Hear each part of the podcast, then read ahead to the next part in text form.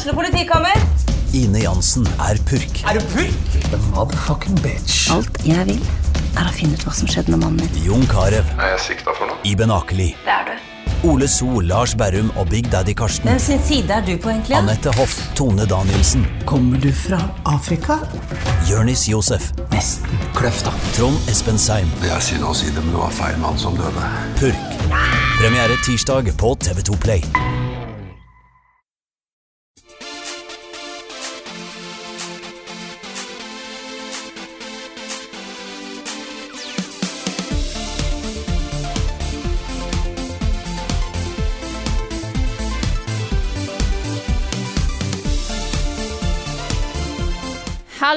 Alle kjære lyttere, og velkommen til en ny episode av podkasten Level Backup. Med meg, Frida Danmo, og med meg har jeg som vanlig Karl Martin Hågsnes og Rune Fjell Olsen. Men vi har nå en til i dag. I dag har vi nemlig med oss Niklas Halvorsen.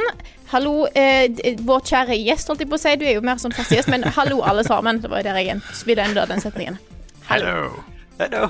Hei, Frida. Det er kult å ha deg med, Nick. Du sa jo, Vi spurte deg om du ville være gjest i forrige uke. Nå da sa du, vet du hva?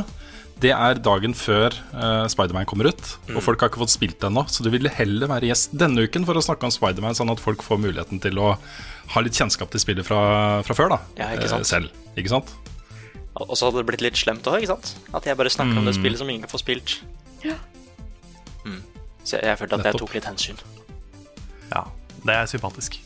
Mm, Det betyr ikke at vi skal ja, det, det, det betyr ikke, For de som er redde, så betyr ikke at vi skal spoile alt i dag, siden det er ei uke siden spillet har kommet ut.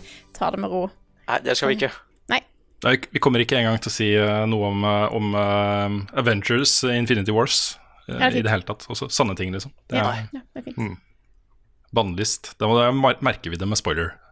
Ikke sant? Ja, men jeg, vi jeg syns vi skal være litt flinke der, for jeg, jeg er ikke så glad i s- å bli spoila i ting. Jeg vet at Nick òg har en litt sånn eh, attitude, så da tenkte jeg at vi kan gå fram med et sånt godt eksempel. Mm. Jeg sitter med fingrene i ørene og så eh, lukka øynene og bare la, la, la, la, la når jeg ser på trailere på kino. Ja, det, det er ikke så dumt. Så ille er jeg. Jeg har sånn veldig love-hate-forhold til eh, trailere. Fordi jeg syns de er så kule ofte. Og det er kult å se en trailer for en film jeg ikke har vært klar over, og så bare Oi, den her må jeg se. Mm. Men samtidig så er det mange trailere jeg ikke vil se. Problemet er at en del trailere er sånn, er sånn De begynner kult, og så tenker jeg 'Å, det er en film jeg vil se', og så fortsetter traileren i altfor lenge og viser Mm. hele filmen. Bare sånn 'Å, nå trenger jeg ikke se den filmen', nei. Nei, men så greit. Nei. Mm. Det, det er så rart med norske trailers, tenker jeg. Fordi den første pleier alltid å være en skikkelig, skikkelig bra trailer. Bare vise konseptet, liksom. Men så kommer de to andre, ikke sant.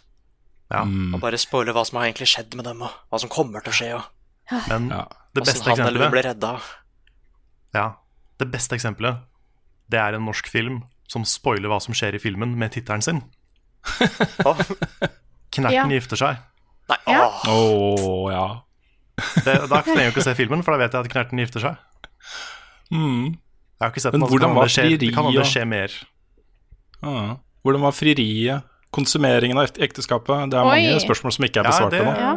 det er et godt spørsmål. Ja. Mm. Man kan jo skille seg på slutten. Ja, Det kan hende. Og både bølgen og skjelvet forteller hva som skjer. Nei, men sånn disaster porn-filmer er jo Der ser du jo bare for å se ting bli eh, fucked up. Ja, Ikke sant? Åh, Postgirobygget! Det raser sammen! Det er jo Ja. dritkult! Og Kristoffer Joner igjen. Å, ikke det, ja.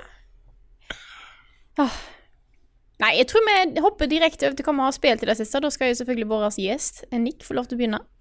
Ja, for jeg Mhm. har eh, Jeg har jo så klart spilt litt Spooderman. Og Spooderman? Gans, ganske, ganske litt for mye Spooderman. Jeg, jeg, jeg prøver å få platinum. Det er ett Ah, sånt nice. secret trophy jeg ikke aner hva er, som jeg prøver å finne. Å ja, og du er ikke sånn som går på nettet da og finner ut hva det er, ikke sant? Du bare Nei. finner det sjøl? Jeg skal finne det selv. Er det noe hints, eller står det bare Secret Trophy? Nei, det står bare secret trophy. Oi. Og det er sånn, jeg, jeg fant jo at det, det er jo en funksjon på PlayStation hvor du kan finne ut hva The Secret Trophy egentlig er, da. Hvis du ikke bryr deg om spoilers. Men jeg, jeg skal ikke gjøre det, for det er fortsatt noen ting jeg kan gjøre i New York, ikke sant? Så jeg bare venter til den uh, pinger inn, liksom. Hva er det du tror det er? Har du noen eh, teorier? Eh, det er veldig mange sånne challenger med at eh, du skal stupe så mye og løpe så mye på vegger og Park, Peter Parkour så mye rundt omkring i byen og sånn. Og da, jeg, jeg tror det er noe sånn. For det, er, det er det jeg ikke har gjort. Bare sånne milestones, ikke sant. Stilig. Men du, Nick, den anmeldelsen din av Spiderman var bare helt konge. Ja, Det var, det var gøy å se uh, den entusiasmen du føler for Spiderman, og at du snakker om hvor mye Spiderman har betydd for deg opp igjennom osv. Og så kommer anmeldelsen din. ikke sant? Jeg synes Det var en utrolig kul måte å bygge opp den anmeldelsen på.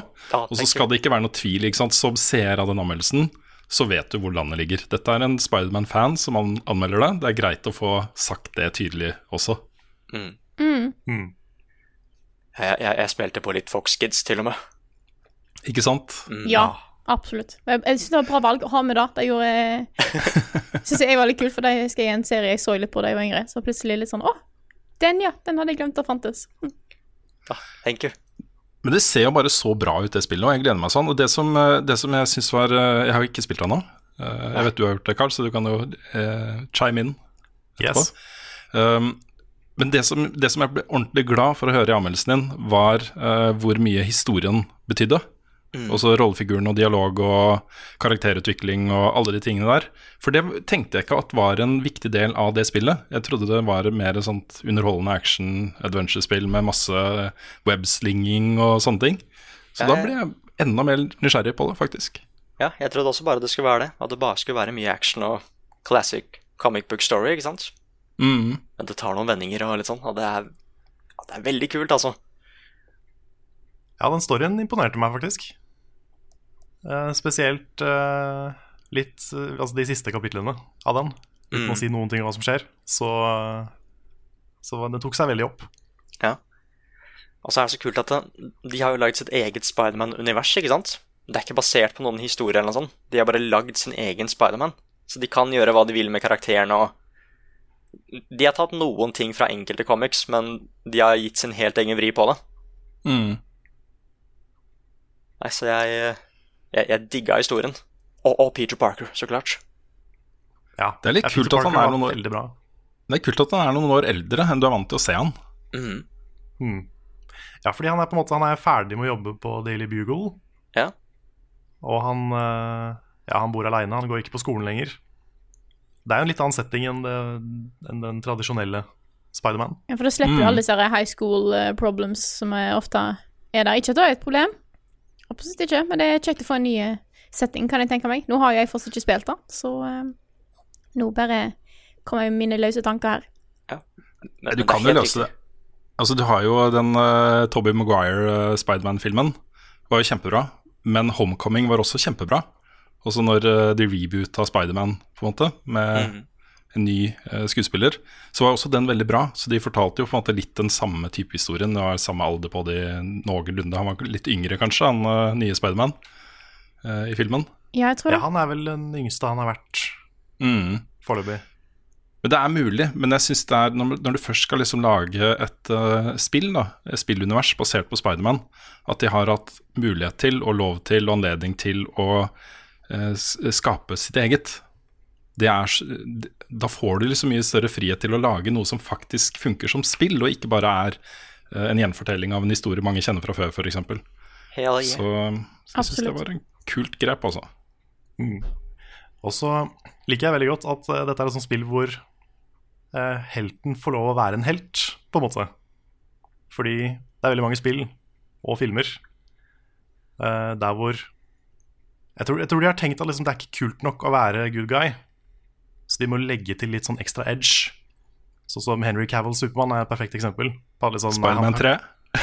Spiderman 3, selvfølgelig. Men sånn eh, Det at liksom Ja, ok, Supermann er for kjedelig, så vi må gjøre en mer sånn dyster og slem og litt sånn Batman. Mm. Og det er så teit. Jeg er så lei av det. Men dette, dette her er liksom Dette er et eksempel på hvordan du lager en good guy-historie. Og gjør det bra, og gjør det spennende. Mm. For han er liksom Han er Spiderman, han er en good guy, men han settes i situasjoner som gjør storyen spennende. Mm. Og det er sånn man gjør det. Og det syns jeg er kult. Jeg er enig, og så har jo alltid Peter Parker eh, vært en utrolig viktig del av Spiderman. Altså Det menneskelige aspektet av Spiderman har alltid vært viktig. I hvert fall de historiene i Spiderman-universet som er gode, da, ordentlig Ja. gode. Så har det vært et viktig eh, og sentralt element. Det, setter jeg også veldig stor pris på. Ja, fordi, Jeg kjenner at det bobler litt over nå, så jeg gleder meg til å spille det. ja, fordi de beste historiene er liksom når Spiderman og Peter Parker kolliderer, ikke sant? De Mm. verdenene der. Mm. Og Det er derfor det var så viktig at de fikk til Peter Parker. For alle de andre spillene så er du bare Spiderman. Ikke sant? Du, du er kanskje Peter Parker bitte litt, men det har liksom ikke så veldig mye å gjøre med historien, annet enn at du må jo spille litt som Peter Parker òg, da. Det er jo ikke Nei, så, her var det Jeg digga det, hvor sentral liksom, den rollen hadde i det spillet. Mm. Jeg var litt, litt skeptisk i starten på spillet. Fordi jeg kjente igjen litt for mange av de der eh, typiske open world design-valga. Ja. Sånn som at eh, her har vi hacking minigame, og her har vi sånne watchtowers som du må klatre opp i. Mm. Og sånne litt sånn randomly generated missions. Det var en del ting som jeg kjente igjen fra litt for mange spill. da Litt den der Ubisoft-oppskriften. Ja. Men det er gjort så bra at etter hvert så slutta det å plage meg. For det var liksom alle tinga var såpass bra gjennomført. Pluss det at det er så gøy å bare liksom bevege seg rundt i den byen. Ja. Sånn som det å ta bilder av landmarks, det er en sånn ting du kan gjøre. Og da jeg skjønte at jeg kunne gjøre det i fart i lufta, i slow motion, mens jeg liksom bare flyr rundt, ikke sant, så bare OK, ta et bilde, og så bare i fart føler du føler deg så sykt kul. Mm. Bare tar et bilde i lufta, og så bare kjører videre. Ja, for det er alltid bevegelse, ikke sant? Mm. Mm. Og da ble det kjempegøy. Så det er sånn Alt er liksom kult. Mm. Kanskje litt mye combat for min del. At det er akkurat litt for mye combat. Ja. Men uh, ellers er jeg bare Ja, dritkult hele veien. Jeg spent på, spent på det spillet, altså. Jeg nevnte også i um, Spilluka, vårt nye nyhetsmagasin som kommer hver tirsdag, at det er årets uh, raskest selgende spill til nå. Og at det også er tidenes uh, raskest selgende Marvel-spill. Det, eh, det føles litt som, som når Marvel på en måte gjenoppliva sitt filmatiske univers. Den der entusiasmen som var rundt alle de nye prosjektene deres da. Dette føles som en potensielt sann start da, på et spillunivers basert på Marvel. Det er, der er det så utrolig mye kult å ta av, så det hadde vært kult hvis flere sånne Triple A kjempebra studioer får lov til å lage uh, Marvel-spill. Mm. Uendelig, uendelig sånn utømmelig kilde til bra content, altså. Så Ja. Men nå jobber jo Square Enix med et Avengers-spill. stemmer det? Jeg tviler på at det er i samme univers, men det hadde vært kult. Ja. Dette er vel det um, Canada-studioet deres, tror jeg, som lager eh, Det er mulig at jeg husker feil nå, altså. Men jeg tror det er det teamet bak D6 og de spillene som, eh, som stå, står for dette spillet. Eh, Å ja, ok, ja, det. Avengers. Jeg er usikker. Jeg, dette er bare sånne ting som jeg mener og husker jeg har lest. Så jeg er ikke helt sikker. Men de satser ordentlig på det. det. Det er et ordentlig bra studio som sitter og lager det nå. Som vi har fortsatt ikke hørt noe om det, da, så det er jo sannsynligvis i hvert fall et par år unna. Men uh... Ja, det spørs. Blir nok, eh, blir nok en trailer til Mm. E3 neste år. Mm, jeg tipper det. For nå er det vel tre år siden de nevnte det for første gang? To? Tre? to eller tre. Ja. Og vi har ikke sett noe. Nei. ja kanskje de har spart for det da ikke liksom skulle overdøve Spiderman, ikke sant? Ja. Mm, ja, det kan Det er typisk, det er typisk Square Enix. Fordi de, de, de annonserer spill, og så er de, de har ikke begynt ennå. Nei, sant. Det er det. Det er en eller annen designer som våkner opp om morgenen og har en eller annen fet idé til et spill, og så bare skriver den pressemeldingen. Er det sånn der? Ja, Ja. det er litt sånn. Men samme med sånn som eh, Smash 3, da det ble annonsert, så satt jo han eh, Er det Sakurai han heter? Mm. Ja, han satt jo i salen og visste ikke at han skulle, skulle være lyddesigner. Det er helt konge. Det er litt sånn hvis du, hvis du sitter på planleggingsmøte, da, du og sjefen din, og så spør du bare sånn Ja, kanskje vi skulle lage det spillet her? Og sjefen bare sånn Ja. Og så sa han ja, kanskje vi skal begynne å, skal vi begynne å te- sette sammen team? Og sjefen bare Jeg har allerede annonsert det. Ja. Ja. Mm. Litt sånn apropos det, så føler jeg at det er, av og til at det er litt sånn med eh, norske spillselskaper. Eh, fordi eh, mange av de er jo ikke så store og har ikke så mye inntekter og sånt, så de er litt avhengig av den støtten fra NFI for å kunne starte på prosjektene sine. Eh, jeg føler ofte at noen av de konseptene er bare konsepter, og så har de liksom brukt litt tid da, på å få det til å se fancy ut. Og jeg nevner dette her Nå eh, får dere i Red Thread arrestere meg hvis jeg tar feil. Men jeg føler litt at Draugen var et, litt et sånt type konsept. da Ja. Jeg skulle bare, si det, at Draugen var, det slo meg som det. Ikke sant? Eh, Og grunnen til at jeg nevner det, er at nå ser jeg Ragnar Tørnquist på Twitter begynner å snakke om at de har en så utrolig fet trailer for det spillet på gang, som kommer om en måneds tid. Eh, Så det er tydeligvis noe har de jobba med, da. Men eh, jeg mistenker at det ikke var så mye mer enn et glimt i Ragnar Tørnquists øye da de uh, annonset og fikk støtte for det. Bare en mistanke. Eh, Helt ubegrunna, kanskje, men eh, Ja. Hvis du hører på Ragnar, så må du veldig gjerne komme i podkasten og være gjest og sånn, for det hadde vært kult. det hadde vært kjempekult. Yes. Da har eh, Nick snakka litt. Eh, Carl, har du spilt noe annet enn eh, Spiderman? Ja, jeg har, eh, jeg har spilt hele Spiderman, Mhm. så jeg, jeg prøvde liksom å, å være litt kjapp, da, så jeg kunne ha litt mer å prate om i, i dag. Yeah. Men ellers så har jeg spilt mer The Messenger. Ja. Jeg, er faktisk, jeg har faktisk 100 av The Messenger. Oi, oi, oi. Shit! Og det, det tok seg opp etter den streamen vi hadde. Det har jo, Jeg nevnte at jeg kom til den 16-bit-delen Ja, i forrige, forrige episode. Men uh, det var før det hadde blitt en Metroidvania. Og Ah, da før det- du kom til åpen verden-biten? Ja, men nå har det blitt det. Eller andre halvdel av spillet var det. Ja. Og det var kanskje det var egentlig mer enn en halv del, for det var ganske langt. Så hele, liksom, hele oppskriften på spillet forandra seg. Du, eh, det som var liksom lineære action stages, ble en svær åpen verden hvor du kunne liksom finne nye steder. Og du hadde nye skill som gjorde at du kunne komme til nye steder. Så det ble en helt annen måte å spille spillet på. Men jeg tror at jeg likte den første delen bedre. Ja. OK. Å ja, jøss. Fordi eh, altså, nå har jeg spilt en del Metroidvania i år. Jeg har spilt både Hollow Nights og Dead Cells. Men det her var liksom, det nådde ikke helt opp til de. Og så var det litt for dårlig fast travel. Det er fast travel i det, men det er så få sånne punkter du kan gå til. Så det blir veldig mye gjenbruk av de samme stedene. Og de er ikke så kule å gå tilbake til, mange av de. Så blir det veldig bra igjen når du kommer til et nytt sted. For da får du den der Ok, helt nytt sted, her kan jeg utforske og gjøre nye ting. Men den der backtrackinga, den er ikke så bra. Mm. Den er litt for, litt for hyppig brukt, syns jeg. Åh. Men, Men det det er her, fortsatt et veldig veldig bra spill. Det her blir sånn en liten digresjon. da Men En av de tingene jeg virkelig virkelig elsker med 2D Metroid, det er hvor flinke de er til å i hvert miljø eh, Du nevnte det med å komme til et nytt område. Hvert nye område, hvert område sin egen identitet, med egen teamlåt eh, og musikk og fargetoner og alt mulig rart. Nye fiender og osv. Det er liksom en viktig essens i den oppskriften, føler jeg. Mm. Men det, det har de klart, da. Mm. For det er eh, altså musikken Det jeg liker med musikken, er at uh, egentlig mye av spillet også er at den 16-bit-delen Den er mer inspirert av Sega Mega Drive enn av Super Nintendo. Hei! Og det er litt sjeldent å se. Ja, det er helt sant. Spesielt musikken. Hvis du hører på 16-bit-versjonen av uh, den musikken, så er det Sega Mega Drive-musikk. Og den er jo spesiell. Det er ikke alle som er like fan av den, den lyden, men jeg syns det er kult. Veldig sånn autentisk eh, gjenskapt. Yeah. Stilig valg. Absolutt. Mm. Så eh, ja, jeg vet ikke hvor mye mer jeg skal si. Jeg har, jeg har veldig lyst til å lage en anmeldelse av det. Hvis jeg rekker, så skal jeg gjøre det. Kommer litt an på når vi får uh, Valkyria og, og andre ting. Men eh, det er mulig jeg setter, setter sammen noe veldig kjapt på det. For jeg har lyst til å Jeg har lyst til å prate litt om det, for det er et veldig veldig bra spill. Det er ikke alle anmeldelser som trenger å være 14 minutter lang og ha sin egen Nei, eh, origin liksom- eh, story, sånn som Nick sin og sånne ting. Nei, sant. Derfor jeg har på en måte laga veldig lange anmeldelser i år.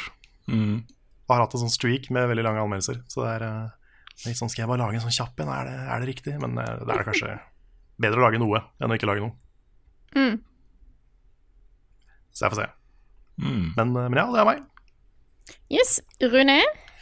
Ja, jeg, jeg fikk jo jeg, jeg lurte lenge på hvordan jeg skulle anmelde Destiny 2 Forsaken, eh, som jo er det spillet jeg har brukt eh, tid på den siste uka.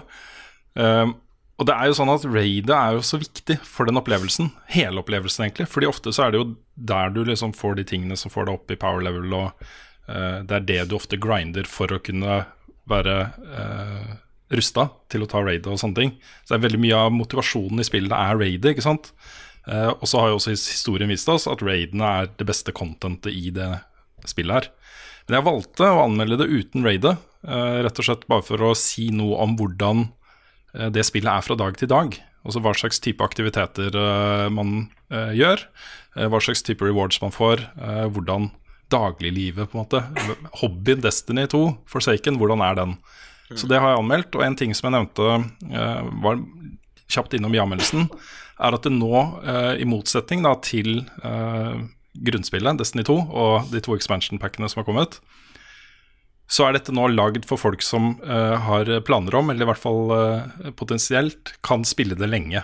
Over mange uker, over mange sesonger, uh, for det er jo mange sesonger i løpet av året. og ha det som en hobby.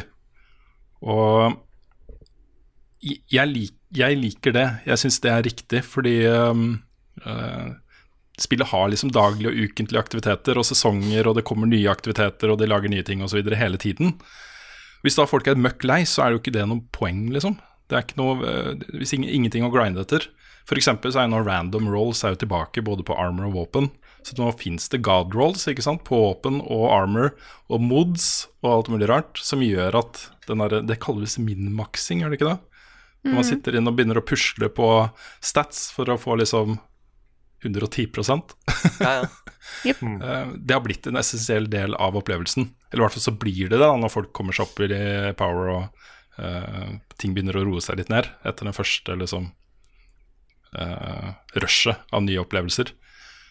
Og det er, uh, det er riktig uh, av Bunji å gjøre det, føler jeg. Det er eh, Et sånt spill bør nesten være sånn. Så er det fortsatt gøy da, å spille hvis du ikke bryr deg så mye om dette her. Eh, du må ikke ha Godroll våpen og Godroll armor for å kose deg i det spillet her. Men eh, du får mye mer ut av det hvis du kommer litt under huden på det. Så, så det har blitt ordentlig bra. Eh, ordentlig, ordentlig bra. Jeg gleder meg veldig til raidet. Jeg vet ikke helt når jeg får gjort det. Den åpner jo i dag. Fredag. Um, Har blitt spurt om å være med på noe raid-lag, men uh, jeg, jeg tror jeg har lyst til å komme litt høyere i power level først. Jeg har noen sånne derre Det husker jo sikkert du også, Carl. Sånne Stå og stange mot en boss i fire timer er ikke, er ikke så kult, altså. Nei, altså det er kult den der første radaren nettopp åpna. Vi hopper inn, ser hva som skjer. Mm. Det er gøy, men det er gøy i sånn en time. Og så blir man lei. For da aner man ikke hva man skal gjøre, og så må man på internett. Og så føles det Mm. litt sånn Det føles litt juks å gå på internett, men man må jo det.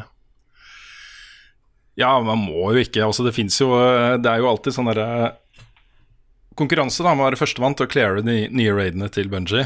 Og Bungie sitter og følger med, og det blir kåra en vinner, og de får emblems, og det er en stor ting, liksom. Og de klarer det jo som regel nå på noen timer, liksom. Fire-fem timer. Um, så det er jo teknisk mulig. men det skal ikke Ja, så mye føler til, altså. Det er en gjeng som sitter sammen i et rom og liksom har, det høye på energidrikk og alt mulig greier. Og liksom, de er så innstilt på at de skal være først. Mm. Så det føles jo litt som å konkurrere mot et e-sportlag. Ja, ja. Og så ligger de gjerne ikke sant? Nå er jo eh, maks power level er eh, 600. eh, opp fra 380, så det er en ganske lang grind. Jeg har akkurat runda 530 liksom, etter en uke. Eh, men de sitter jo på er 550 og 560, ikke sant. Eh, så de har jo uh, grinda seg opp til Til å kunne håndtere raidet uten å dø så mye, da. Ja. Så det er en egen gjeng. Vi skulle ikke prøvd å streame alle, da. Raidet. Jeg syns det er en god stream. Ja. Nå spiller jo ikke jeg eh, Destiny 2, da. Nei. Så i så fall om du får streama det. Ja, kanskje vi kan kjøre sånn eh, co-stream, for jeg er invitert ut til Drammen for å spille med eh, gutta i Norwegian Thunder Boys. Ja, Ja. Nice. Det hadde kanskje vært litt morsomt. Det er kult. Kunne de kan, uh... kunne hatt egen stream fra min inn i level up. Absolutt. Det, det er nice. Da kan jeg være på Discord som sånn der eh, Coach. Coach. general. Ja, coach. Nei, det er, eh, det er en uh, kul opplevelse. Jeg har til og med fått med meg et par stykker, eller fått med meg, de jeg har valgt selv, da. Um, fra gamle PlayStation-gjengen over på, på PC. Um, det er et par andre av de som vurderer det. Så det begynner å føles litt sånn, ja, digg. Jeg, er sånn, jeg, jeg tenker mest på tid jeg nå. For det ser Mm. gøy ut. Men uh, hvis det er sånn at du må liksom Hvis den grinden er tilbake, sånn som det var i Destiny 1, så er det for tidkrevende for meg, tror jeg. Ja, men hvis du har, For å ta et eksempel. Hvis du har én character, uh, og det, det kan du fint ha nå, det er den derre bunnyhoppinga, at man uh, bruker liksom altene sine til å booste, den gjelder ikke lenger. Det er, jeg har fått minimal med nytte av å ha tre karakterer der. Uh, hvis du har én character, så har du jeg tror det er 30 muligheter til å gå opp i power level i uka. Det er ganske mye, og du trenger ikke å gjøre alt, liksom. Um, det vil ikke ta så mange uker altså, før du, uh, før du er raid-klar. Uh, bare ved å spille noen timer, liksom. Så Nei. Men så har jeg liksom anmeldelser og hardcore og ting på sida. Ja da. Det er en uh, valgfri sak. Det er ingen Ja. som må spille Destiny 2 Forsaken. Nei, det er, det er fristende, men jeg er fortsatt litt på gjerdet. Altså. Mm. Ja. Da må jeg få det til PC òg, ikke sant. Mm. Ja, Det, det er det, det. er, det er litt gøy, for etter at jeg så anmeldelsen og jeg, jeg prøver å finne liksom grunner til å hoppe tilbake inn igjen. Og jeg liker at det, med en gang det dukker opp en ny, ny video hvor det bare Nå skal vi vise fram the new supers. Oi, hva?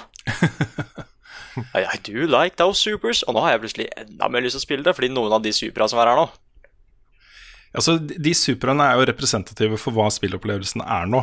Uh, Bungie har sagt at nå skal være, spillerne være mer overpowered. De skal føle seg mektigere, de skal ha det kulere når de spiller. De skal ha oftere super, de skal ha oftere granater. Våpnene skal gjøre mer damage. Alle de tingene har de justert, ikke sant. Og de superne er jo helt bananas. Du har jo en ny eh, super til eh, Titan. Uh, Striker Titan, altså uh, Ja. Som er sånn Supermann. Ja, ja. Hvor du bare du kan fly gjennom hele fuckings brettet og bare ja, slamme. Det går så fort, og det er så kult. Og jeg har seila forbi bosser og eh, fiender i PVP og alt mulig rart, fordi jeg har glemt at den superen er så kjapp, da. Så det er ekstra gøy, da. Bare seile forbi en fiende og deise inn i veggen helt på andre siden av mappet, liksom. Bare fordi du har sikta Wow. litt feil. Men det er uh, ordentlig spektakulært noen ganger, altså. Og særlig hvis man er uh, et fireteam og har en tøff utfordring, liksom. Tøffe bosser som er en del power levels over deg og sånne ting. Å koordinere eh, supre og sånne ting, det, det er fett, altså. Det, det er ordentlig fett. Så ja. Kanskje, kanskje vi skal gjøre comeback i Destiny 3, Nick, Vet du hva? Yes, på PC. på PC. Ja. Det er planen. Mm. Det høres bra ut. Nei, eh, hvis jeg kan fortsette litt jeg, eh, Etter forrige podkast ble jeg sjuk. Så hele helga så lå jeg utslitt på sofaen eh, og uten energi til å spille noe som helst. Men da fikk jeg en litt tid til å eh, se gjennom alt som jeg har bedt Better Call Saul. Ah, ja, kult. Så da har jeg tatt igjen da. Så nå, eh, hvis noen har noe serieforslag, så bare gi beskjed, for nå har jeg gått tom. Det starta en nå på Amazon Prime som jeg bare sitrer etter å se. Ny Jack okay. Ryan-serie. Sånn FBI-thriller-serie. ja med, Med- med Jim Harper. Stemmer. Den uh, fikk strålende anmeldelse i Aftenposten i dag. Og jeg pleier å være ganske enig med Asbjørn Slettmark på, på serier. Han har blitt min guru på eh, nye serier. så så den, den gleder jeg meg til å se. Carl sitter klar. Han har en anbefaling å komme med denne uka. Det har jeg, vet du. Det, jeg, jeg sitter jo mye på YouTube og prøver å følge med på liksom de, de kule tinga jeg finner der. De hotteste trendene og De hotteste trendene tingene. på. YouTube. Ja. Så toppen av hashtags. Nei da, jeg er ikke der. Det er, det er veldig mye som er populært på YouTube som jeg absolutt ikke ser på.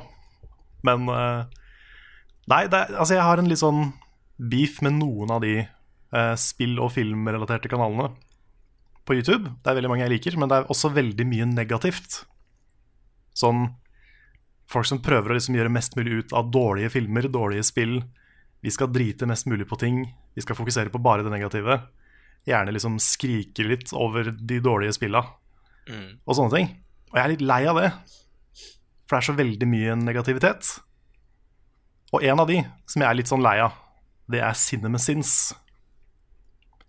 Uten å, Nå skal jeg ikke liksom putte en kanal på blast her, men, eh, men de er sånn. Det er liksom De, de nitpicker filmer i stykker.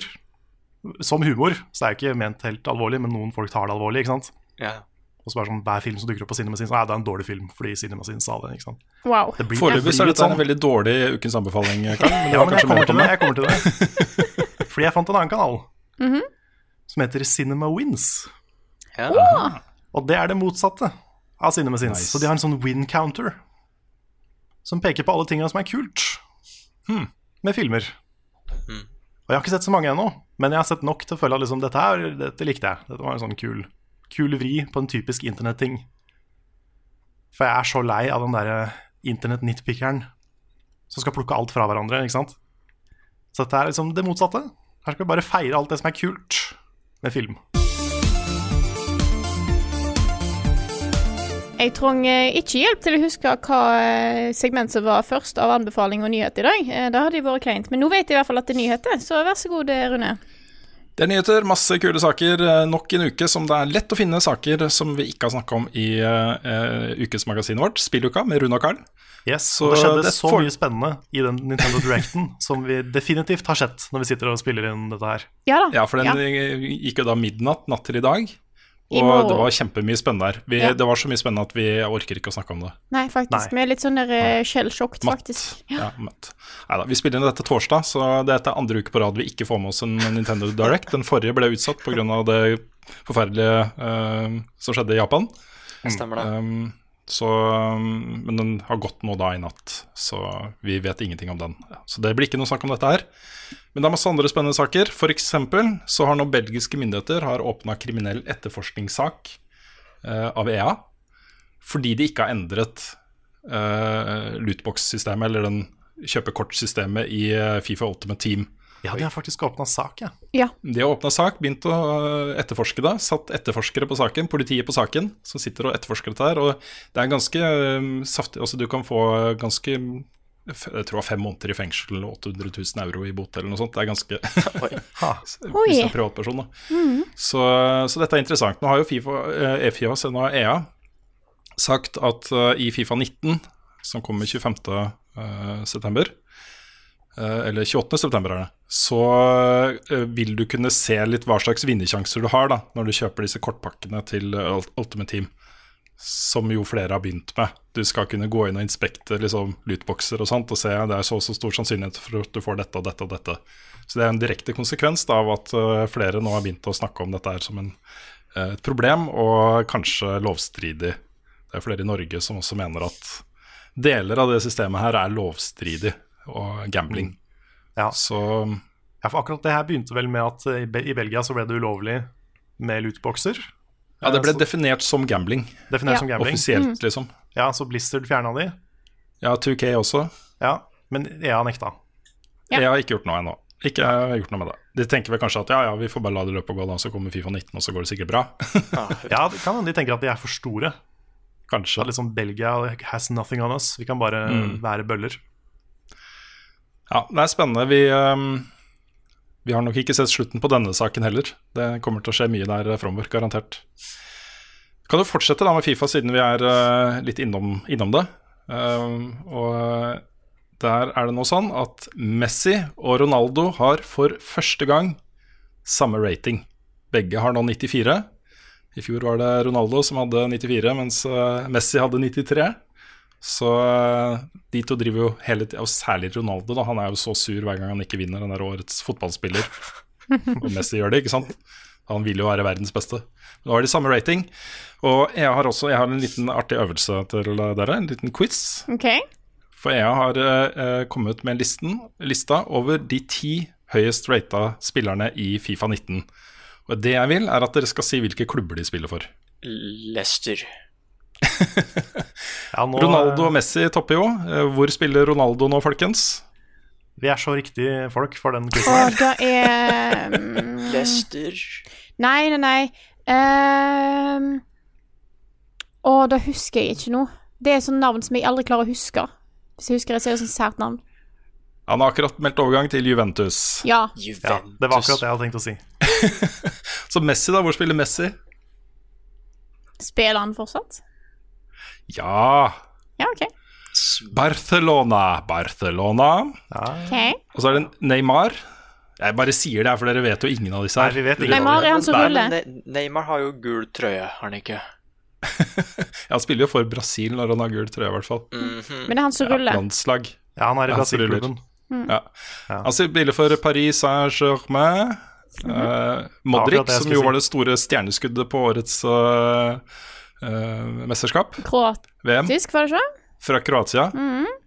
Han, var, han var god, altså. Ah, ja. Spiller for Real Madrid, eh, De Bruyne, Manchester City, eh, Hazard, Chelsea, Ramos, Real Madrid, Suárez, Barcelona og De Gea, eh, Manchester United. Det er de ti høyest rata spillerne i Fifa 19, så vet dere det, folkens. Dere Ja, som, det var- i det det det motsetning til oss, kan mye om fotball og Hvis du hadde spurt meg, og det er ikke noe tull engang, så hadde du spurt meg for sånn sju år siden, så hadde jeg kunnet det. Mm. Fordi at jeg eh, eh, Familien min er veldig fotballinteressert, så det gikk veldig, veldig veldig mye spesielt eh, engelsk fotball på TV-en hjemme, Mm. så da hadde jeg faktisk litt kontroll. Nå, nei.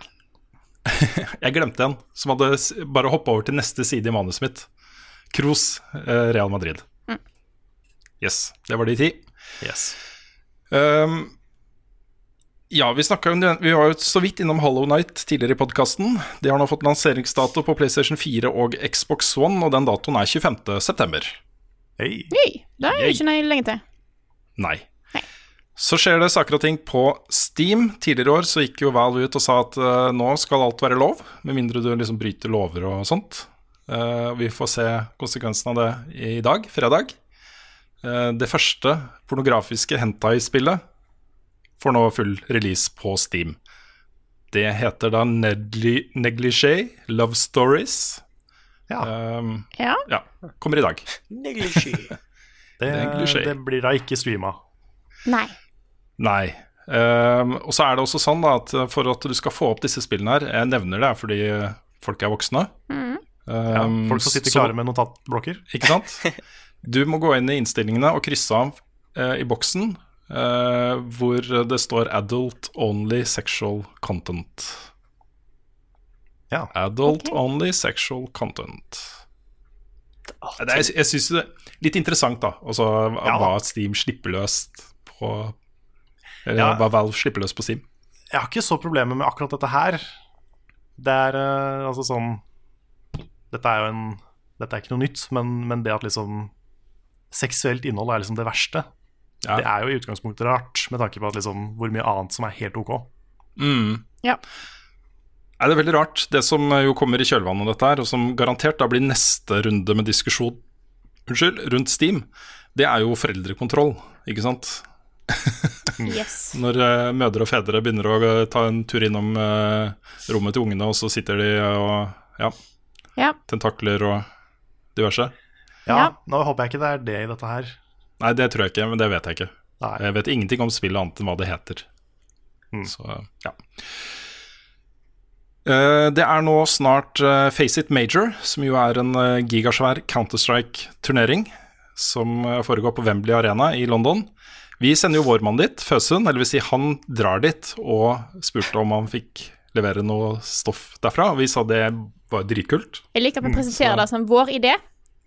Eh, Ja, det- vår idé er å sende Føsund til eh, Først spurte oss, og Jeg hørte formuleringen, men var litt Ja, ja, ja. der, så jeg korrigerte meg underveis i setningen. Det er derfor jeg liker å påpeke det igjen. Ja, Det høres litt kulere at vi sender en mann til London, Ja. Wembley Ja. Arena, for å, ikke sant? Mm. Men uh, grunnen til at jeg tar det opp her også, er fordi uh, NRK hadde jo megasuksess med sin forrige store Det tror jeg var samme turnering, hvis jeg ikke husker det feil, i fjor høst. Uh, ordentlig dekning, sånn ordentlig sportsdekning med studio, utegående reporter og live-rapportering fra uh, turneringa og sånne ting. Eh, det gjør de nå igjen, og det er da neste helg som, som det vil bli streama. Jeg syns det er gøy at de eh, peiser litt på. Jeg håper at det kanskje kan resultere i at de dekker mer enn én turnering i året. De som har ressurser til det. Og, ja. Så det hadde vært kult. Og så eh, blir det jo mer Spiderman gjennom uh, sendinga, også i eh, spørsmål- og svarspalten. Men jeg har siste nye sak. Er Spiderman-relatert. Det får nå New Game Plus. hell yeah. Mm. De sitter og jobber med det, eh, og sier på Twitter at de bare fintuner de siste detaljene, og så slipper de det. Så det er ikke så langt unna. Kanskje, kanskje løpet av neste uke. Kult. Kult. Lurer på om de eh, hever level-capen. Det kan hende. Kanskje. Fordi uh, man kommer jo nesten til makslevel av å bare spille storyen. Mm. Vi skal svare på spørsmål fra alle våre kjære lyttere, og vi begynner selvfølgelig med ukens spørsmål.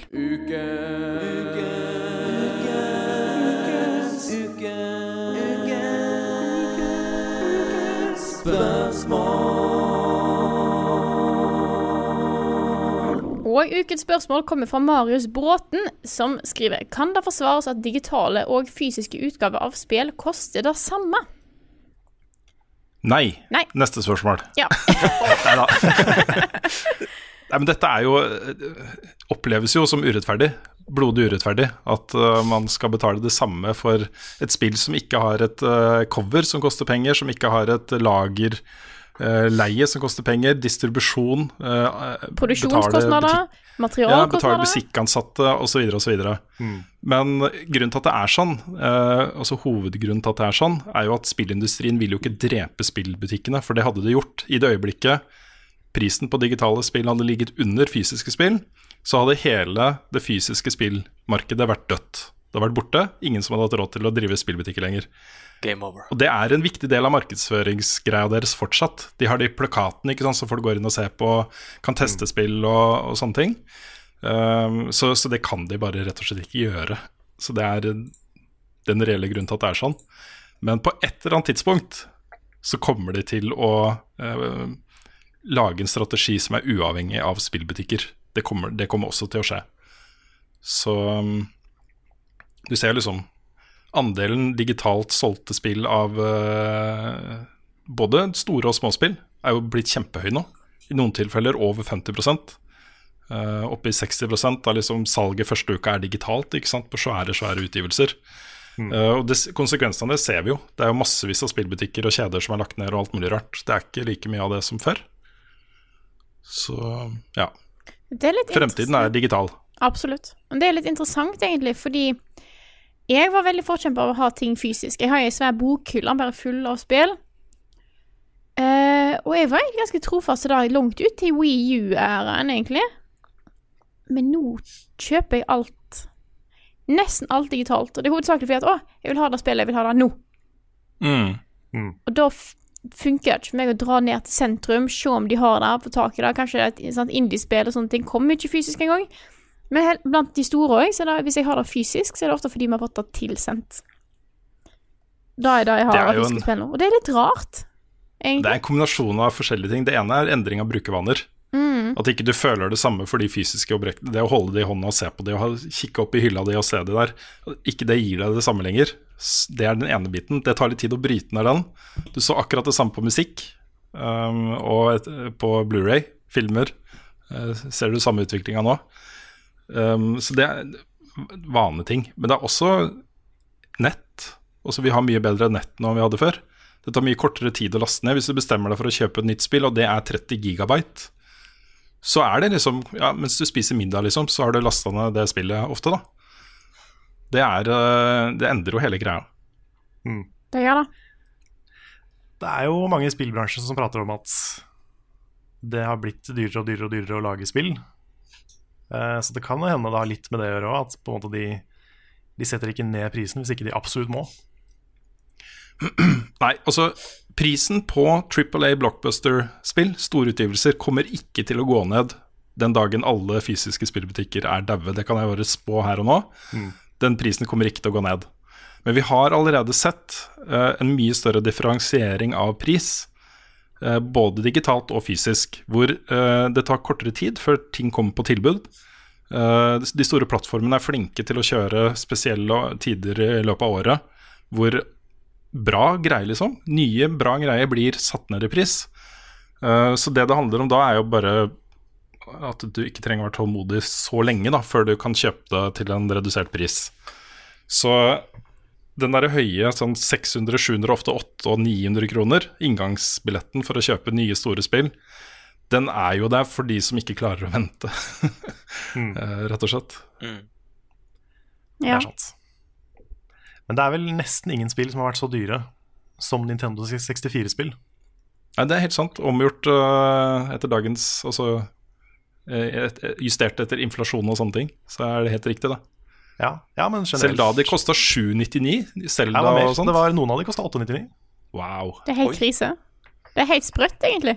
Mm. Det er jo nesten er det mulig, ja. Ja, det er jo godt over tusenlappen, det, i dag. Ja, jeg vet ikke om det er fordi de brukte kassetter og ikke CD-er. At de vet ikke, kosta Ah. mer å lage de, eller I hvert fall en unnskyldning. Fordi Ja. de kunne. Fordi, de, kunne. ja. Fordi de var Nintendo. Det Ja, men mye av dette her er Altså, jeg, jeg føler ofte at de diskusjonene her eh, Så er man Mange er Unnskyld. Veldig eh, på liksom forbrukernes side. Altså hvorfor, ikke sant. Hvorfor er det sånn? Eh, og glemmer at dette er corporate business, big bucks. De skal tjene penger, liksom. De skal tjene penger der de kan. Og hvis uh, EA og Activision og Blizzard og alle de her får ekstra store marginer av å selge til fullpris digitalt, så gjør de jo det. De gjør jo det hvis folk kjøper det. Ikke sant? Ja. Altså, jeg, jo, jeg føler meg veldig sånn på, på forbrukernes side sjøl. Selv. liksom, selvfølgelig jeg vil at spill skal bli billigere, fordi inngangsbilletten er dyr. Og det gjør at spill vokser saktere. Men det er samtidig altså Jeg skjønner den at det er dyrt å lage spill. Jeg skjønner at de må tjene penger. Og jeg, jeg, ser, jeg ser det dilemmaet mellom liksom, Skal vi sette opp prisen på spill? Skal vi prøve å tjene penger på DLC eller være ting? Det er sånn, Jeg skjønner at det er vanskelig. Mm. Jeg bare håper at de velger riktig. At ikke de liksom begynner med Eller altså fortsetter med gambling og mikrotransaksjoner og drit. Mm. Eller finner en annen modell hvis de må ha mer penger. Jeg snakka en del med dette her med Joremi i Dpad i sommerpodkasten hvor han var gjest. Eh, og det han sa, eh, som jo er en interessant betraktning av hvordan spillmediet er i dag, da, det er jo at lansering er ikke en end-all for eh, utgivelsen din. Også hvis ikke det selger bra i starten, så behøver ikke det bety at ikke du tjener inn pengene dine seinere. Og at veldig mye kommer inn av kampanjer som kommer seinere. Eh, julesalg på Steam.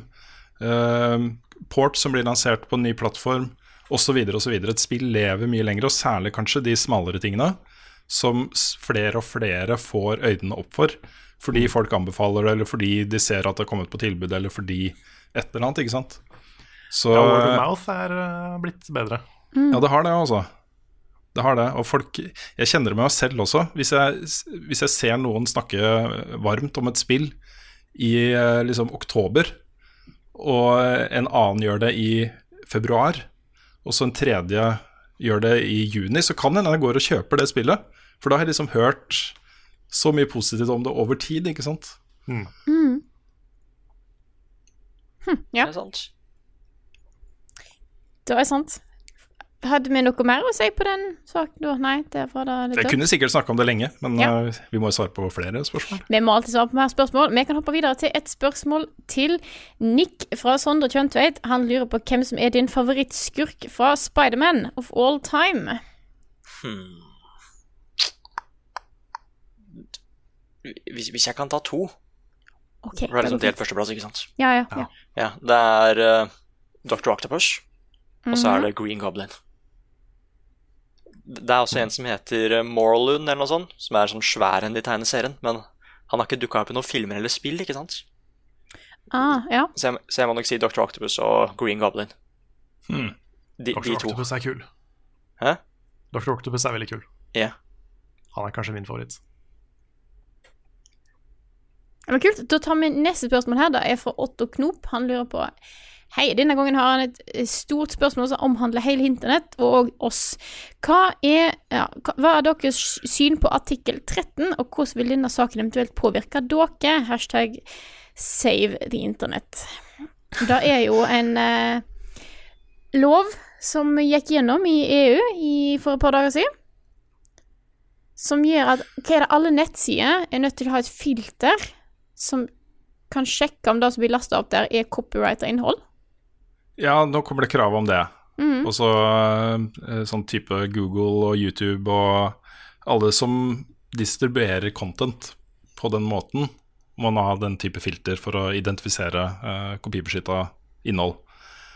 Eh, og det er jo Det har jo vært eh, forsøk på, på eh, sånn resist movements rundt dette her, fordi eh, veldig mye av nettet handler jo om Så internett per definisjon handler jo om liksom flyt da, av informasjon og bilder og, eh, og sånt, men samtidig så ser du jo eh, kannibalisering, og du ser eh, opphavsrettshavere ikke få betalt for ting de gjør fordi folk sprer det gratis.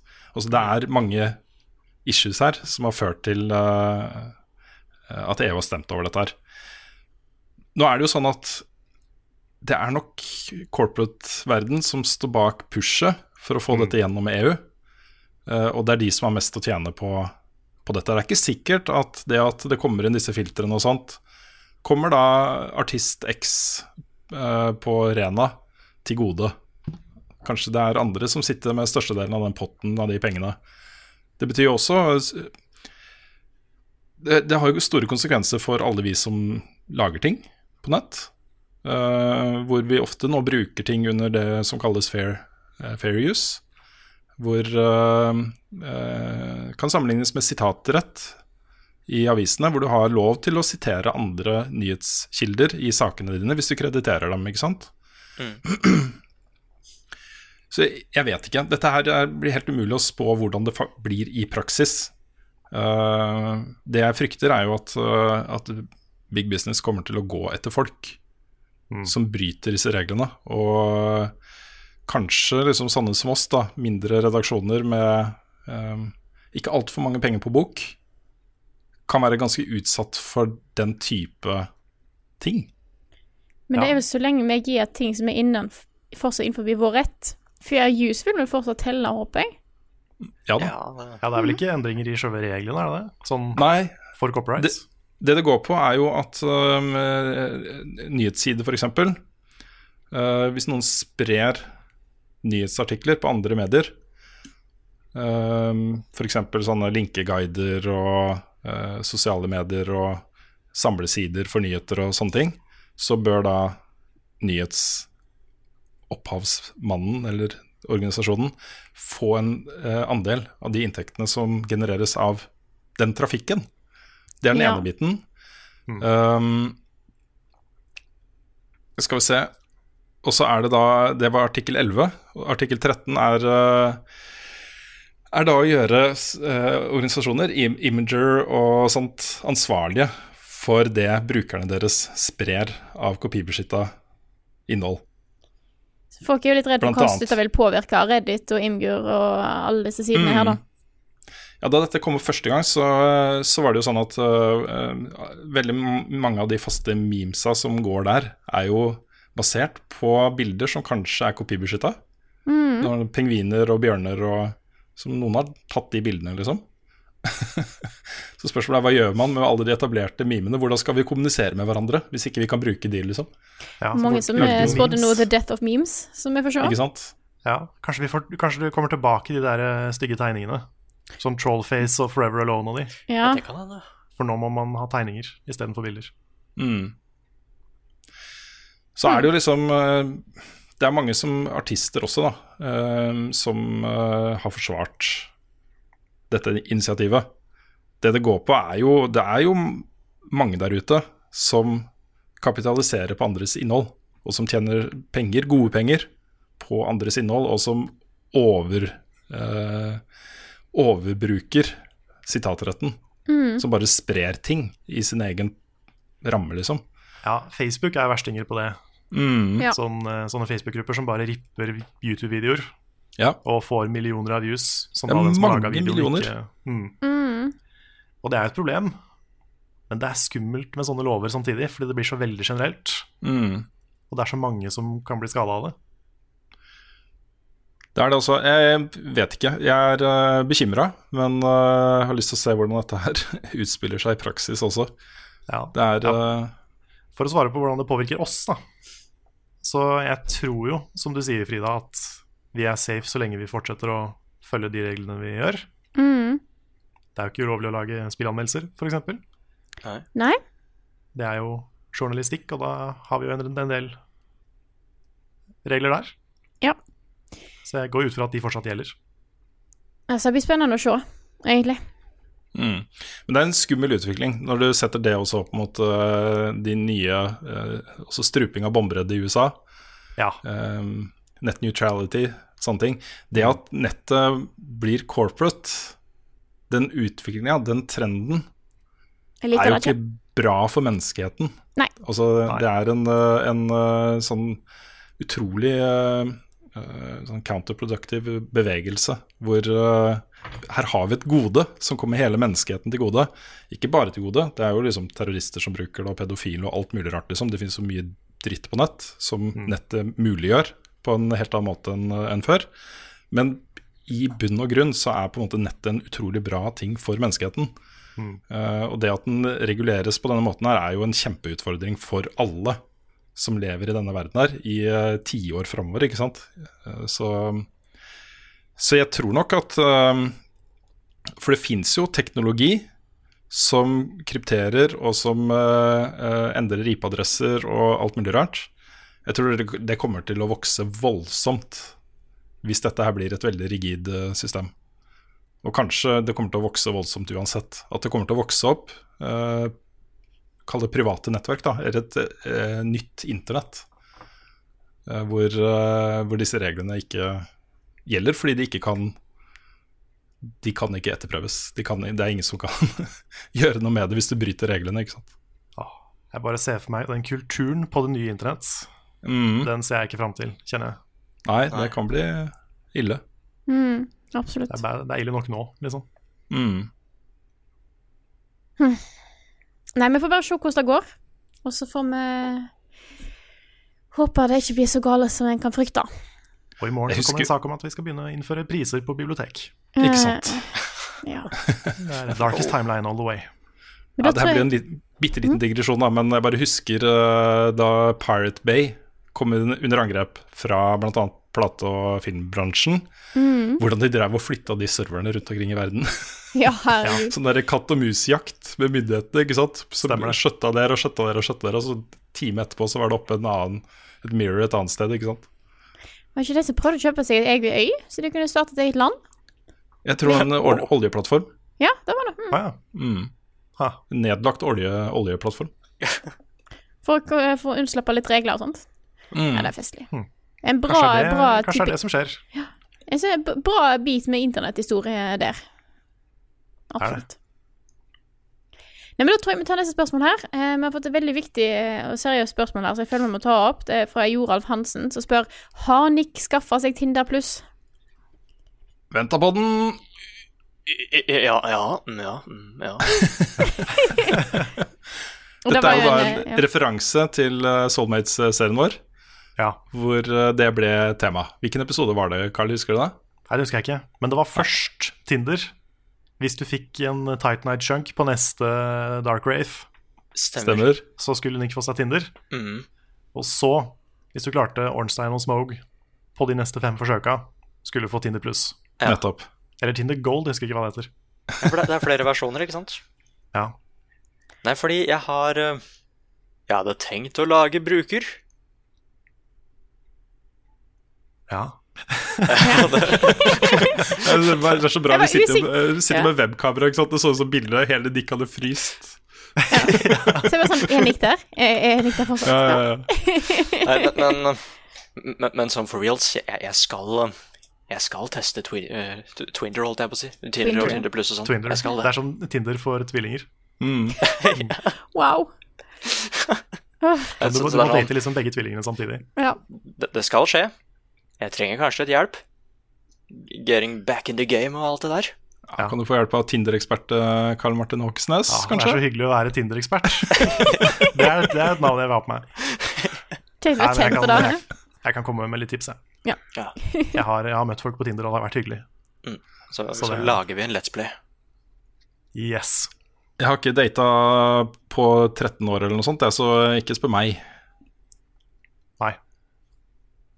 Nei, jeg kan, eh, jeg kan vise deg litt Tinder. Og så må vi ta, vi må ta sånn bilde som alle har på Tinder, hvor du er på toppen av et fjell. Ja. Ja. ja, ja. Og så må du ha et bilde i Syden hvor du holder et dyr, eller sånn eksotisk dyr. Ja. Ja. Og så må du skrive høyden din. ja. Hmm. Det ja er, høyden er viktig. Jeg stemmer. ja, ikke egentlig gjør det, Fordi er sånn, da blir du helt lik som alle på Tinder. Ja, Så men, du kan gjøre det der, men, men Hvis- alle hvis- gjør det. Jeg vet ikke hvorfor alle gjør det. Hvis du gjør det med ironisk distanse som humor, så kan jo det være en uh, icebreaker av dimensjoner, da. Ja, for det gjorde jeg. Ja. Jeg, hadde, jeg har et bilde hvor jeg har veldig dårlig photoshoppa meg inn på toppen av et fjell. Og det er et veldig fint bilde. Jeg liker veldig godt det bildet. Så det, det er mitt sånn fjellbilde. da. Ok, kult. Du kan holde en sånn der kosebams eller et eller annet istedenfor et eksotisk dyr. At du bare finner en eller annen sånn Ja, det kan du gjøre. Bare Ja. finn en vri på alle Tinder-tinga. Ja. Ah, Kanskje poste, poste bredde. eller liksom masse, eller noe sånt. Åh, Lykke Ja. til, Nick. Thank you. I Lykke need til. all the help I can get. Det kommer til å gå bra. Oh, thank you. Any woman would be lucky to have you. Ja, Oh, ja. oh yes. Det er hyggelig sagt, altså. Men da tar jeg et spørsmål til her før jeg eh, gir eh, ballen videre til dere. Eh, vi har et spørsmål fra Jon Magnus Restad som spør hvor mye modererer dere eventuelt språk slash tone når dere spiller inn podkast i forhold til hvordan dere vanligvis kommuniserer? Eller framstår dere i ufiltrert form på level backup? Jeg, Jeg tror modererer meg mye. du gjør det. jeg føler ikke nødvendigvis at jeg gjør det. Jeg har kanskje det litt i bakhodet. Jeg prøver å faktisk fokusere tankene mine litt. Jeg kan ramble en del ellers, vet jeg. Eh, og spesielt når jeg har på en måte intro-greier, så er det et toneforhold som jeg ikke nødvendigvis bruker til andre ting enn sånne intro-greier. Mm. Ellers så tror jeg at jeg eh, Ja, Nei, jeg, jeg, har, jeg har en litt annen måte å snakke på, det har jeg, men det kommer liksom naturlig, tror jeg. Eh, sånn blir det bare litt, egentlig. ja vi prata litt om det etter streamen i går. Mm. At uh, man prater på en annen måte når man vet man er live, eller når man, Mm. når man blir tatt opp. Det er sant. Så du, du får jo litt mer sånn Ikke nødvendigvis programlederstemme, men du prøver å snakke litt tydeligere enn du vanligvis gjør. Mm. Og så er det litt sånn, Vi sitter jo litt sånn oppstilt med mikrofoner, så det er jo noe annet enn å bare ha en helt vanlig Mm. samtale. Ja, det blir det. Men jeg, men jeg føler ikke at jeg sensurerer meg. Nei, jeg òg tror heller ikke at jeg gjør det i spesielt stor grad. Det hender jo at det kommer et par ord fra meg som ikke hører på en måte Jeg tror det tekniske, tekniske ordet på det er gloser. gloser. Ja, Det kommer noen mm. gloser. Mm. Kommer Ja. noen gloser, ja. Mm. Så det skjer jo. Men det er på en måte det er sånn jeg vanligvis gjør, da. Så eh, Jeg vet Jeg ikke om jeg begrenser meg så veldig der. Jeg modererer meg ganske mye. Altså, de glosene jeg kommer med Jeg kommer jo med noen gloser her også. Det er jo ikke i nærheten av de jeg kan finne på å komme med ellers. Og så er det ofte sånn at jeg tenker når jeg er midt i en setning, at jeg, neste ordet kan være et, en av disse glosene. At jeg bytter til veldig, f.eks. Eller uh, altså at jeg gjør det underveis. da. Det er ikke fordi jeg har noe imot banning. Jeg syns banning er flott. Det. Det, er liksom frisk opp, det frisker opp det muntlige språket. Men jeg syns det gjør det litt fattigere også, i hvert fall hvis man skal liksom kommunisere til mange mennesker. da. Så syns jeg det å bruke banneord er litt sånn mm, Ja, det gjør det, det er litt Det gjør det litt fattigere, egentlig. Og så ja. Jeg er veldig fan av litt sånn sjeldent brukt banning. Mm, Hvis du liksom veldig sjelden banner, men så plutselig gjør du det. For det er sånn oi! Da får det litt tyngde, ikke sant? Ja, Ja. ikke sant? Hvis, hvis jeg kommer med en skikkelig glose, så, så skjønner folk at jeg mener det. Ja. Mm. Hvis du plutselig bruker T-ordet eller et eller annet sånt, da veit Ja. jeg at det er ille, ikke sant? Tiss. Det er sånn, Jeg jeg er jo ikke så ofte i podkastene, men jeg, jeg prøver å gjøre det jeg kan for å ikke mumle. Og det er litt teit, for jeg elsker å mumle. Mm. Jeg også mumler en del, tror jeg. Mm.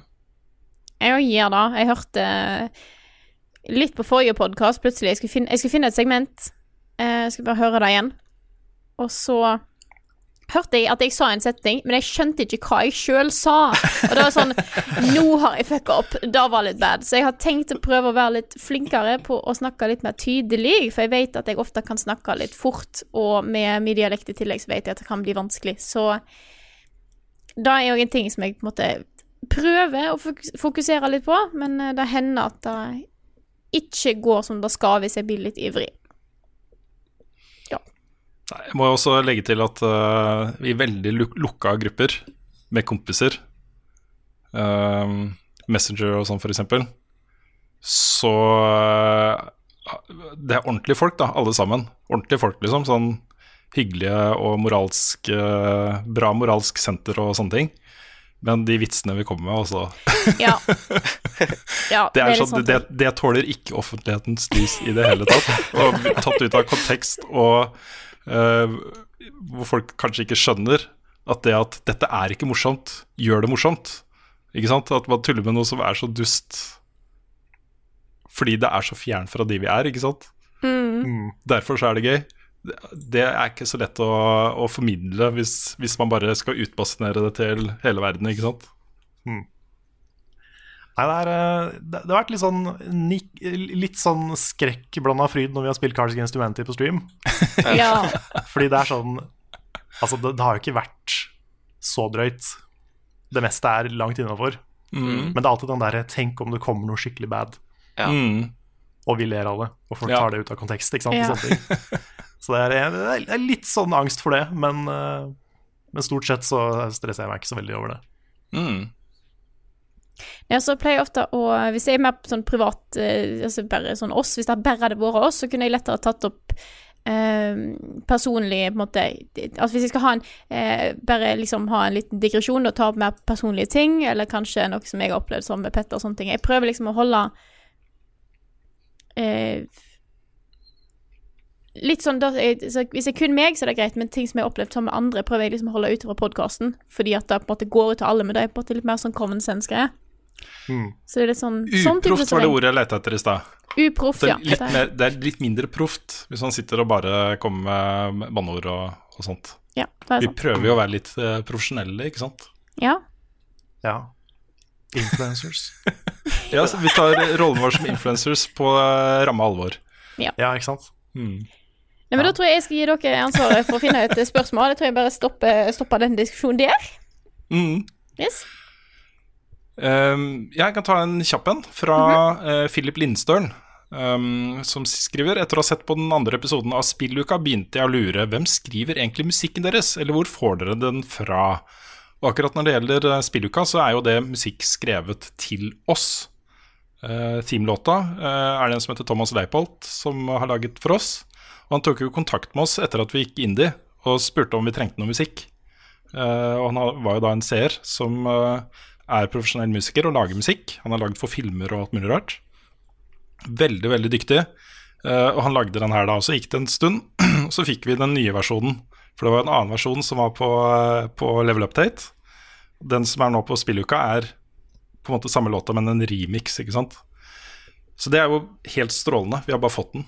Eh, Den andre, eh, Level Up-themen, liksom, eh, er laget av en som heter Ole Sønnik Larsen. Og han møtte noen av dere på Kilden da vi hadde show der i august i fjor. Da var han der og fremførte Level Up Theme sammen med Kyosho Orchestra. det var en stor opplevelse for oss. Første gang vi har møtt han vi også. Men det var en konkurranse på VGTV hvor vi søkte etter ny teamlåt. Fikk masse forslag. Inkludert en del forslag som vi har brukt en del i videoene vi lager også, som ikke vant. da Eh, Men også den låta der han lagde han mange versjoner av, og loops og alt mulig rart. Så den har vi liksom til odel og eie til evig tid. Vår, det er vår låt. Mm.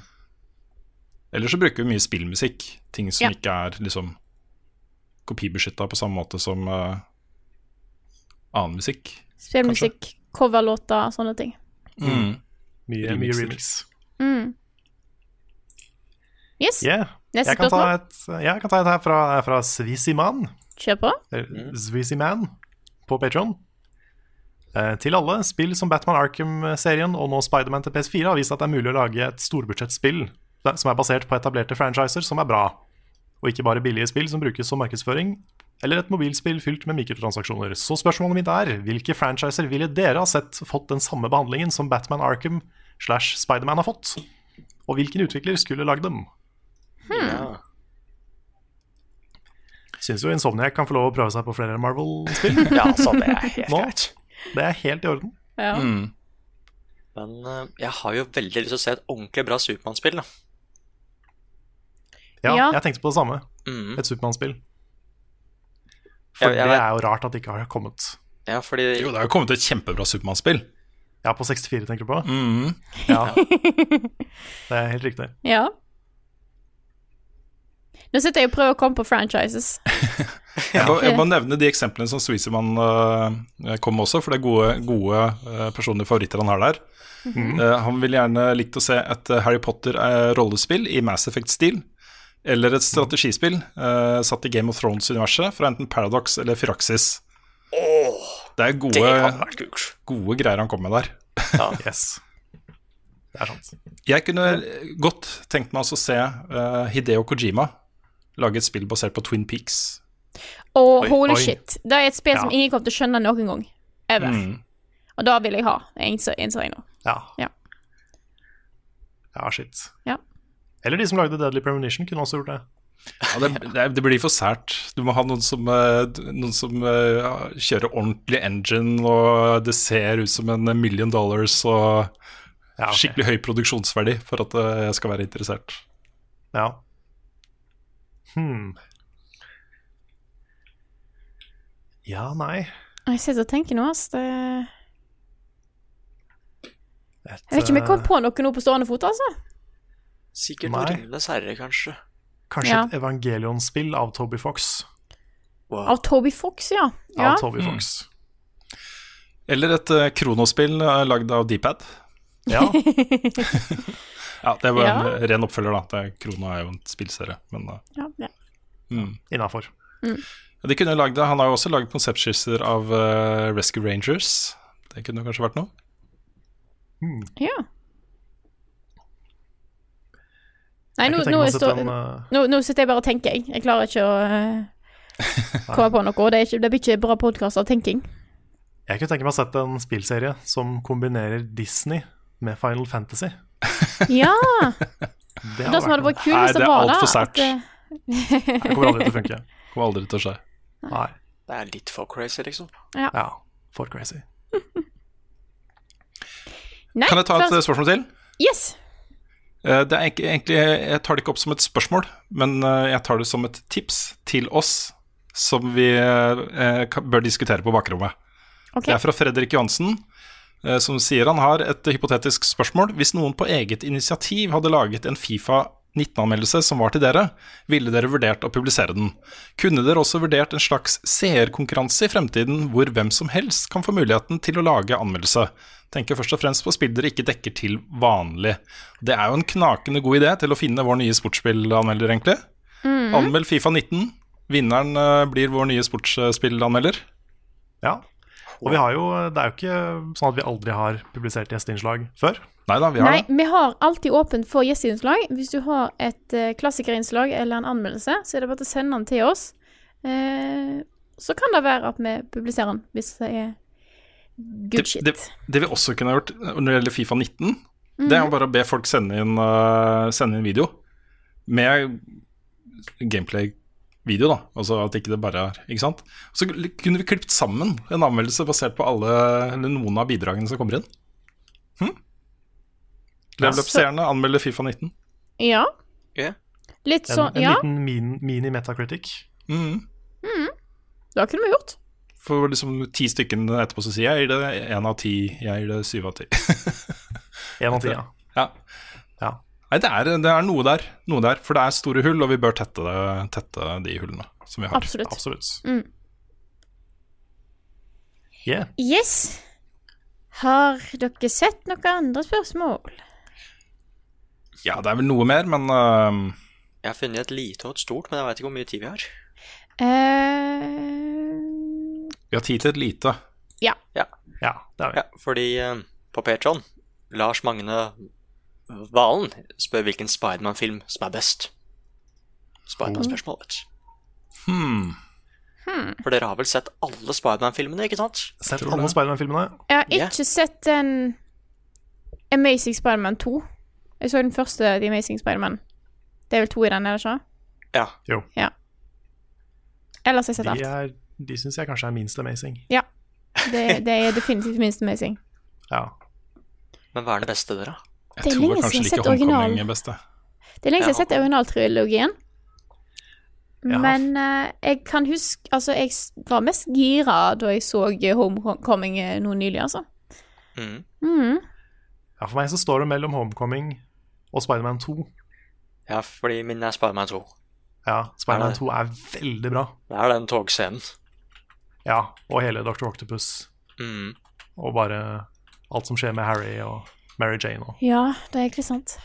Og så har jeg det problemet at med Homecoming er at det, det skal jo liksom være en teenager Spiderman, men det er ikke så mye konsekvenser i det som skjer, da, føler jeg. Og det ble Nei. det litt i Spiderman 2. Det jeg er litt enig i, for det Spiderman Homecoming er liksom, den er veldig kul å se på, Mm. men den handler ikke om så mye. Nei. Det er liksom ikke, Jeg føler ikke nødvendigvis den filmen sier så mye annet enn Spiderman er kul. Mens de andre kanskje har litt mer litt mer isa, da. Mm. Og så kommer det en film nærmere jul. Spiderman Into the Spider-Verse, animert film, Ja. som ser Den ser eh, bra ut, altså. Dægmen Den ser, var fælt, altså. Ja, dæsken døtte. Er det den med Miles? Stemmer. Ja, stemmer. Kult. Mm. Nei, det, det er vanskelig å velge mellom Homecoming og Spiderman 2, altså. Men det er kanskje Spiderman 2. Litt eh, nostalgi også. Kanskje du burde den, se eh, opp igjen den, eh, de filmene der, altså. Det, jeg tror ikke jeg har sett de siden de kom ut. Nei. Jeg syns de er I hvert fall eneren og toeren er bra, altså. Mm. Ja, jeg vet at treeren er litt sånn div, men uh... Ja. Eneren er veldig sånn cheesy, men den måtte kanskje være det for den tida den ble gitt ut. Mm. ja. Men to er dritbra. Mm. Men det var, ok, nå, nå blir det en digresjon, da, men en av de tingene jeg likte veldig godt med Homecoming, var jo at de ikke tok hele den der origin-greia Ja. den helt fra starten, sånn som de alltid gjør. Bare sånn 'Å, her har du en fyr'. Han gjør et eller annet, og så blir han stukket av en edderkopp, og plutselig så har han spider powers. Oi, oi, oi. Eh, de bare skipper den, for alle, bare vet, alle vet at Spiderman blir bitt av en ed- edderkopp, og så har han fått power, så det er på en måte sånn er det bare. Mm. Så det er greit. Jeg, jeg likte godt at de skippa den delen, så jeg ville bare, Ja. jeg ville bare si det. For jeg syns det var et kult valg. Og alle vet at Uncle Ben dør. Ja. Det har vi liksom sett nok nå. Mm. Som også er fint at spillet skipper, syns jeg. Både hvordan han blir Spiderman og Uncle Ben. Ja, for hvor gøy er det å gå rundt og spille, liksom Det er ikke så veldig mye du kan gjøre da på en måte Spiderman akkurat har gjort, eller fått de powersa, da. Prøve å liksom finne ut av det. Det vil jo bare være litt klønete gameplay. Ja. Sånn bokstavelig talt. Mm. At du bare snubler og krasjer og Mm. Mm. Ja. Ja. Nei, men da Ja. Yes. Plugge et par ting. sist Hæ? Plugge et par ting. Vi skal plugge, plugge et par ting. Eh, Ja. Bra du minte meg på det. Vi har en live podkast. 31. oktober på Tilt. Da er vi klar for podkastfestival sammen med Go. Sammen med Radcrew, uh, Spillmatic, Lolbua, Saft og Svele. Yes. Yes. Vi skal på uh, sist på kvelden, men det er utrolig mange bra tidligere på dagen, så det er bare til å få det med seg. Ja, søk Da- opp Tiltcast på Facebook, eget event. Masse Mhm. detaljer om uh, rekkefølge og uh, inngangsbillett og sånne ting. Yes. Så um, vi gleder oss i hvert fall veldig mye til det. Jeg vil også bare kjapt uh, gjenta at vi har starta et ukentlig nyhetsmagasin som heter Spilluka med Rune og Carl. Stay tuned for gjennomgang av Nintendo Direct, blant annet. på For eksempel. Eh, det kommer da hver tirsdag. Eh, det kan vi si, for nå har det kommet to tirsdager, og det er jo da hver tirsdag. De, alle Ja. de siste to tirsdagene så har vi hatt et sant magasin. Ja, Ja, alle to. Mm. alle to. Ja. Så Vi kan, kan også nevne at vi er eh, på jakt etter et eh, studio der. Fordi nå filmer vi hos deg. ja. Men uh, hvis vi klarer å finne et studio, eller et sted å, et sted å ha det showet, Mm. så, så hadde det vært uh, en liten sånn boost for det. Ja, det, det har vi lyst på. Uh, det er også en logo-slags konkurranse. Det er jo, du vinner jo ingenting annet enn en hvor uh, Logoen din blir brukt. blir brukt, ja, og det blir kreditert, og vi blir veldig glad i det. Men Mm. uh, den løper og går, så hvis du har noen gode ideer til logo, så er det bare å sende oss. runetlvup.no. Um, så kommet velger masse bra. Hm? Det har kommet masse bra. Det har kommet Mm. veldig mye bra. Det, det har kommet så mye bra at vi kommer til å velge en av dem. Det kan vi vel slå fast ganske, Ja. ganske klart, kan vi ikke det? Ja. Det kan vi. Ja. Gode nok uh, forslag til at det er uh, verdt å gjøre det. Kult. Egentlig. Yes. Men da får jeg eh, egentlig jeg, Så får jeg egentlig jeg si tusen takk til alle som støtter oss på Patron. Dere er fantastiske folk som eh, vi ikke kunne klart oss uten. Helt eh, veldig, uten tvil. veldig hyggelig. Mm, tusen, tusen takk. Dere er de beste folka, faktisk. Er De beste gutta, folkens. De beste gutta, folkens. Og jenta, folkens. Ja, absolutt. Uh, ja, så får jeg egentlig si tusen takk til Nick som hadde tid til å være med på podkasten denne uka. Det var utrolig koselig å ha deg med, og du er alltid velkommen tilbake igjen. Oh, thank you. Glad to be here. Så kjekt vi kunne ha deg her og snakke litt om, eh, om Spiderman. Uh, så er vi litt aktuelle og sånt òg. Ja, ikke sant. Yes. Men Da tror jeg at jeg får si tusen takk for oss. Tusen takk for at du har hørt på denne episoden av Level Backup. Og så snakkes vi igjen neste uke.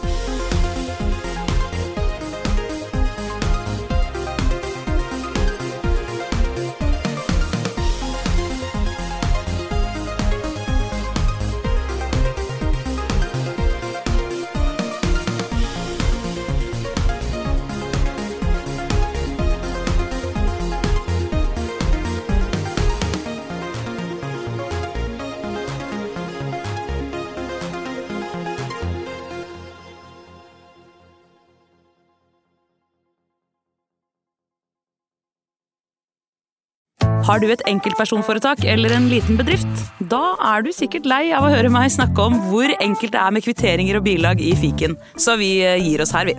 Fordi vi liker enkelt. Fiken superenkelt regnskap.